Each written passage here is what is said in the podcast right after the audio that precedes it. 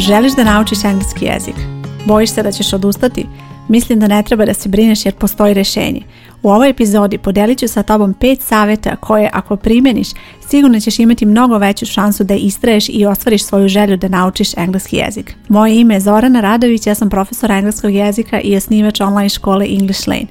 Ovo što slušaš je English Lane podcast gdje pričamo o korisnim savjetima i lekcijama za učenje engleskog jezika. Reći ću ti sada jednu stvar. Odustajanje je deo pokušaja vrlo često nešto što želiš da pokušaš i da uradiš u životu je nešto od čega ćeš morati da odustaneš ili napraviš pauzu u nekom trenutku. Ja sam recimo čak četiri puta pokušavala da krenem da učim španski da bi došla do nekog srednjeg nivoa i svaki put kretala od početka. Jer jednostavno imala sam u svakom trenutku neke svoje razloge zašto sam odustala, ali to ne znači da nisam žela to da ostvarim i da sam odustala, nego jednostavno u tom trenutku sam napravila pauzu, prekinula, a onda zatim nastavila, odnosno krenula gdje treba i uspjela u tome što sam željela da ostvarim. Svako odustajanje je značilo da sam i naučila jako puno, ne samo o španskom jeziku, već i o tome kako treba da učim, šta treba da uradim, kako da sljedeći put ne odustanem, kako da učim bolje, kako da se bolje fokusiram i da ostvarim ono što želim. I to je nešto što želim da podelim sa tobom u ovoj epizodi. Prvo, bitno je da učiš sa jednim ciljem. Tvoj cilj treba da bude aktivno učenje jezika. Učiš engleski jezik da bi uspjela da komuniciraš, bez obzira da li ćeš pričati sa nekim, da li ćeš učestvovati na nekom sastanku, da li ćeš možda ići na neko putovanje i onda ćeš želiti da pitaš za pravac. Sve su to situacije kada ti treba da upotrebiš aktivno ono što učiš i uvijek zapamti da učiš sa tim ciljem, da pričaš, da umeš da se sporazumevaš. Zašto je ovo bitno?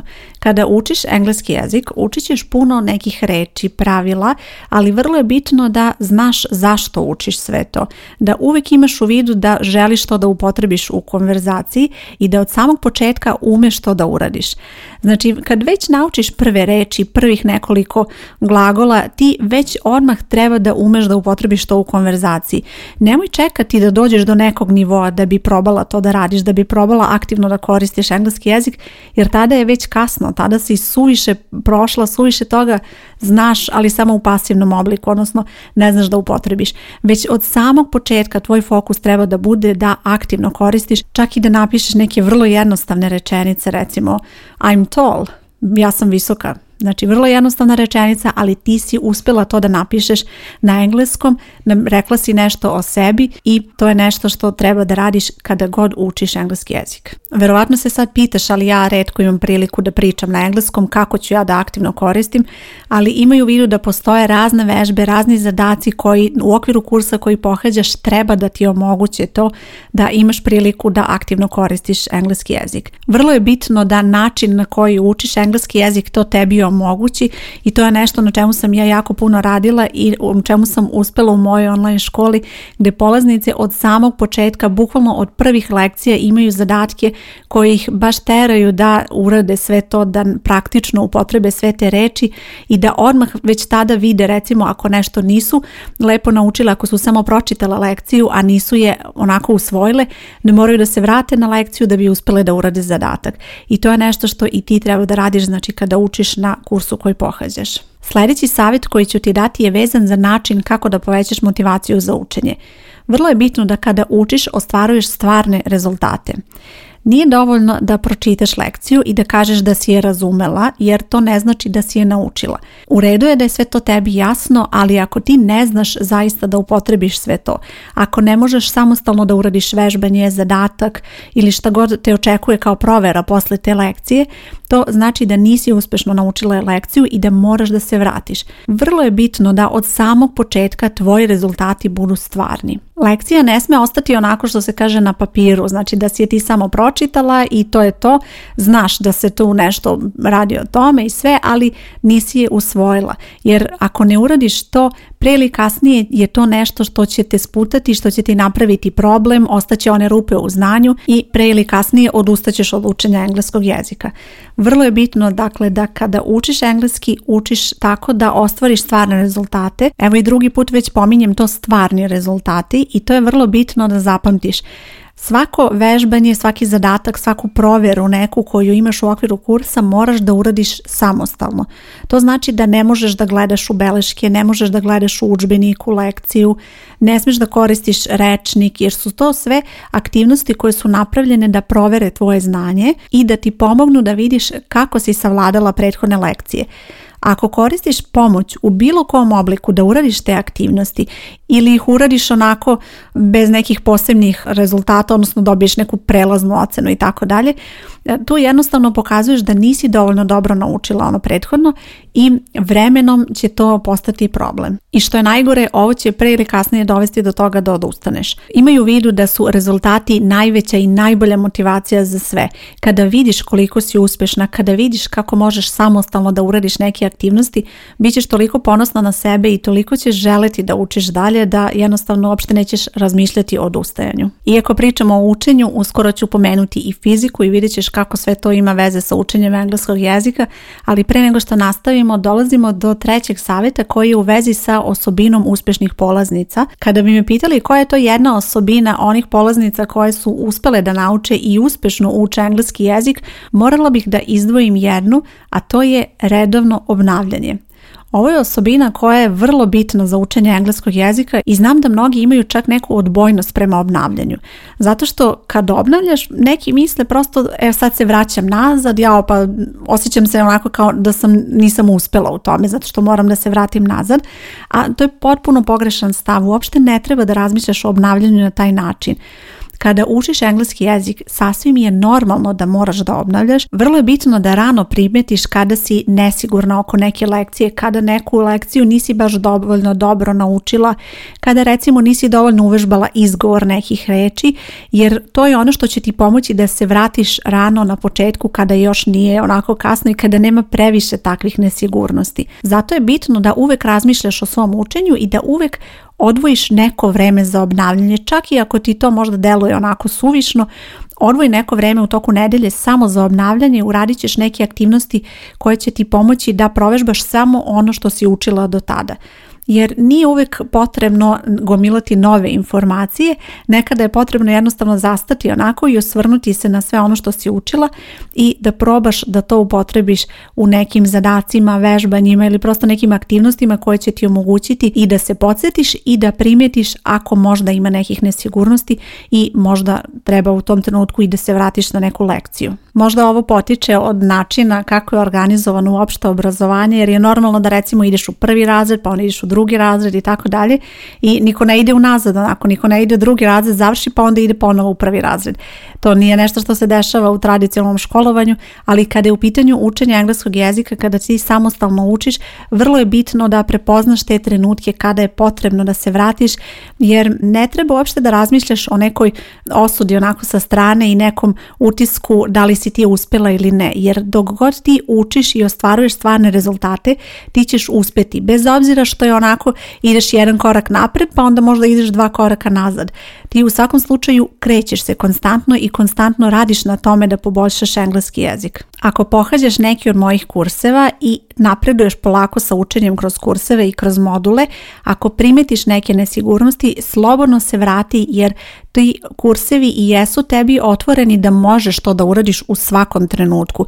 Čak i recimo ako stigneš do šestog modula i primetiš da ti malo lošije ide izgovor ili si zaboravila neke reči, slobodno se vrati na treći, četvrti modul koji misliš da treba i obnovi. Čak postoji situacija da u jednom trenutku ćeš osjetiti kao da ima previše informacija i da jednostavno treba ti vremena da se sve to slegne i u tom trenutku uvijek možeš da se vratiš na module koje si već uradila i da ih ponovo uradiš, da ih ponovo provježbaš i nećeš zapravo biti jedina. Znam mnogi polaznice koje to rade i koje se u tome odlično snalaze i čak mi je jedna nedavno poslala poruku da je to najbolja odluka koju je donela jer je došla do neke situacije u kursu kad je prosto imala neku nesigurnost, kada nije bila sigurna da li može dalje i odlučila je da se vrati na sam početak kursa i onda je bila prezadovoljna što je to uradila jer potpuno na drugi način sada uči i potpuno je drugačije sagledala jer je imala neko predznanje, ali sada je to mnogo bolje onako učvrstila i mnogo je bolje savladala te lekcije koje je očekuju i naravno bit će mnogo spremnija za nastavak. Eto, to je osobina uspješnih polaznica. Znači da znaš i da razmišljaš o svom načinu učenja i da jednostavno stojiš iza toga i da osjetiš kada je vreme da ideš napred, kada je vreme da se vratiš i da obnoviš. Iako sada pričamo o savjetima kako da ne odustaneš od učenja engleskog jezika, postoji jedna situacija kada moraš stati. I to stati u smislu da onako pritisneš kočnicu i sačekaš, jer ako nestaneš, dolaziš u situaciju da zapravo odustaneš. Vrlo je bitno da ne ignorišeš problem.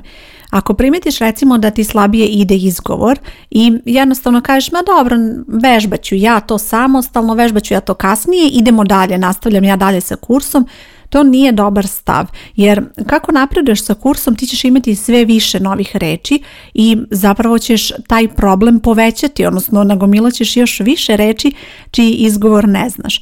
Zato je vrlo bitno da prepoznaš te probleme rano i naravno u tome će ti pomoći i profesor sa kojim sarađuješ, profesor na kursu koji pohađaš i tada je bitno da potražiš pomoć, da pitaš, da nađeš savjet kako da popraviš to, kako da rešiš takav problem, jer to je ono što će ti pomoći da nastaviš dalje uspešno i pomoći će ti naravno da ne odustaneš od učenja engleskog. Evo, nadovezat ću se na ovaj primjer kada je u pitanju izgovor, jer to nije nešto što možeš da očekuješ da se samo od sebe popravi vremenom, jer to je situacija kada moraš da se posvetiš tome i u tom trenutku ćeš stati, odnosno malo ćeš napraviti pauzu sa gramatikom, nećeš toliko učiti nove reči koliko ćeš se osvrnuti nazad i pogledati kako možeš da popraviš izgovor i više ćeš vežbati izgovor u narednom periodu da bi onda mogla da nastaviš dalje uspešno. I ovo se ne odnosi samo na izgovor, već i na druge razne stvari. Odnosi se na neke delove iz gramatike, na članove, na upotrebu predloga i tako dalje. Znači sve su to neke situacije gdje ako naiđeš na problem, treba da rešavaš problem, treba da se posvetiš malo tome. Jednostavno stani, sačekaj, razmisli o problemu, reši problem, kreni da učiš tako da rešavaš taj problem i onda ćeš biti spremna za nastavak. Naravno, kad kažem stani, ne kažem da staneš sa učenjem, već da staneš sa novim informacijama. Jednostavno, u tom trenutku ćeš nastaviti da učiš, ali ćeš vežbati ono što ti predstavlja problem i učit ćeš ponovo i učit ćeš više ono što ti predstavlja problem da bi onda mogla dalje da nastaviš sa učenjem na kursu. I sada dolazimo do petog savjeta koji je u vezi sa fizikom i verovatno se pitaš kakve to veze ima sa učenjem engleskog jezika. Iako se nažalost ne sjećam puno toga iz fizike, sjećam se da telo koje se kreće želi da nastavi kretanje i to je nešto što treba da primeniš na učenje engleskog jezika i treba da izbegavaš da praviš pauze. Kada si u situaciji da si krenula sa učenjem engleskog jezika, da učiš sa pravim ciljem, da aktivno koristiš engleski jezik, da imaš dobru motivaciju, da ostvaruješ stvarne rezultate, ti treba da nastaviš to da radiš, odnosno ne bi trebalo da praviš pauze. Zamisli učenje engleskog jezika kao jedan veliki voz koji ima puno vagona, stoji u stanici i polako kreće, treba puno vremena da on krene i taj proces teče polako, ali jednom kada taj voz krene i kada dobije to ubrzanje, on gotovo da ide sam od sebe i čak u nekim trenucima kao da ide sve brže i brže i kada jednom zaustaviš taj voz onako nasilno, onda ćeš opet doći u onu istu početnu situaciju kada je teško krenuti i kada treba puno vremena da taj voz ponovo dobije to svoje ubrzanje. I isto je to i kada je u pitanju učenja engleskog jezika. Vrlo je bitno da kada kreneš, kada prosto taj prvi neki korak savladaš, kada uđeš u materiju, kada znaš na čemu si, kada imaš oko sebe engleski jezik stalno i imaš motivaciju, vrlo je bitno da to zadržiš i kao. Kad stekneš to ubrzanje, odnosno kad stekneš tu dobru rutinu, probaj da iskoristiš to u svoju korist jer će ti onda svako učenje engleskog dalje biti sve lakše i lakše i probaj da to iskoristiš i da izbegavaš da praviš pauze, već jednostavno okruži se engleskim jezikom i dalje i nastavi da i dalje napreduješ. I kada kažem sada ovdje da treba stalno da nastaviš to kretanje i ubrzanje, to naravno ne znači da u svakom trenutku treba da učiš nešto novo, već evo da se osvrnem i na ovaj prethodni savjet, postoje situacije kada moraš stati, kada moraš obnoviti, kada moraš da se vratiš, ali sve je to deo učenja i sve je to kretanje ka tvom cilju da naučiš engleski jezik. Nadam se da će ti ovi savjeti pomoći da ostvariš svoju želju i da će ti pomoći da istraješ kada je u pitanju učenja engleskog jezika, a ukoliko ti je potreban novi način učenja engleskog jezika, predlažem da pogledaš više o mojoj školi. U pitanju je English Lane online škola za učenje engleskog jezika i na ovoj stranici gdje slušaš podcast bit će link ka školi i tu možeš pronaći sve informacije o tome kako škola funkcioniše i kako i ti možeš da nam se priključiš. Hvala ti što slušaš podcast, ja sam Zorana Radović i čujemo se u sljedećoj epizodi. Ćao!